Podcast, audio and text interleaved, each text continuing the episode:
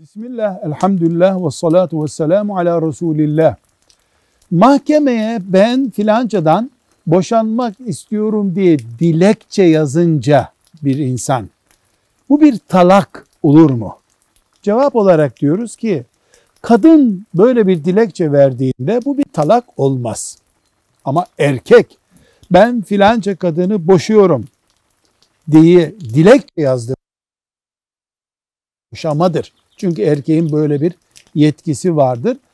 Mahkemede bu kararı onaylayınca ayrılmış olurlar. Mahkemenin kararı bir fesh yani aradaki nikah aktını iptal etmedir, kaldırmadır. Ama neticede boşanma gerçekleşmiş olur. Velhamdülillahi Rabbil Alemin.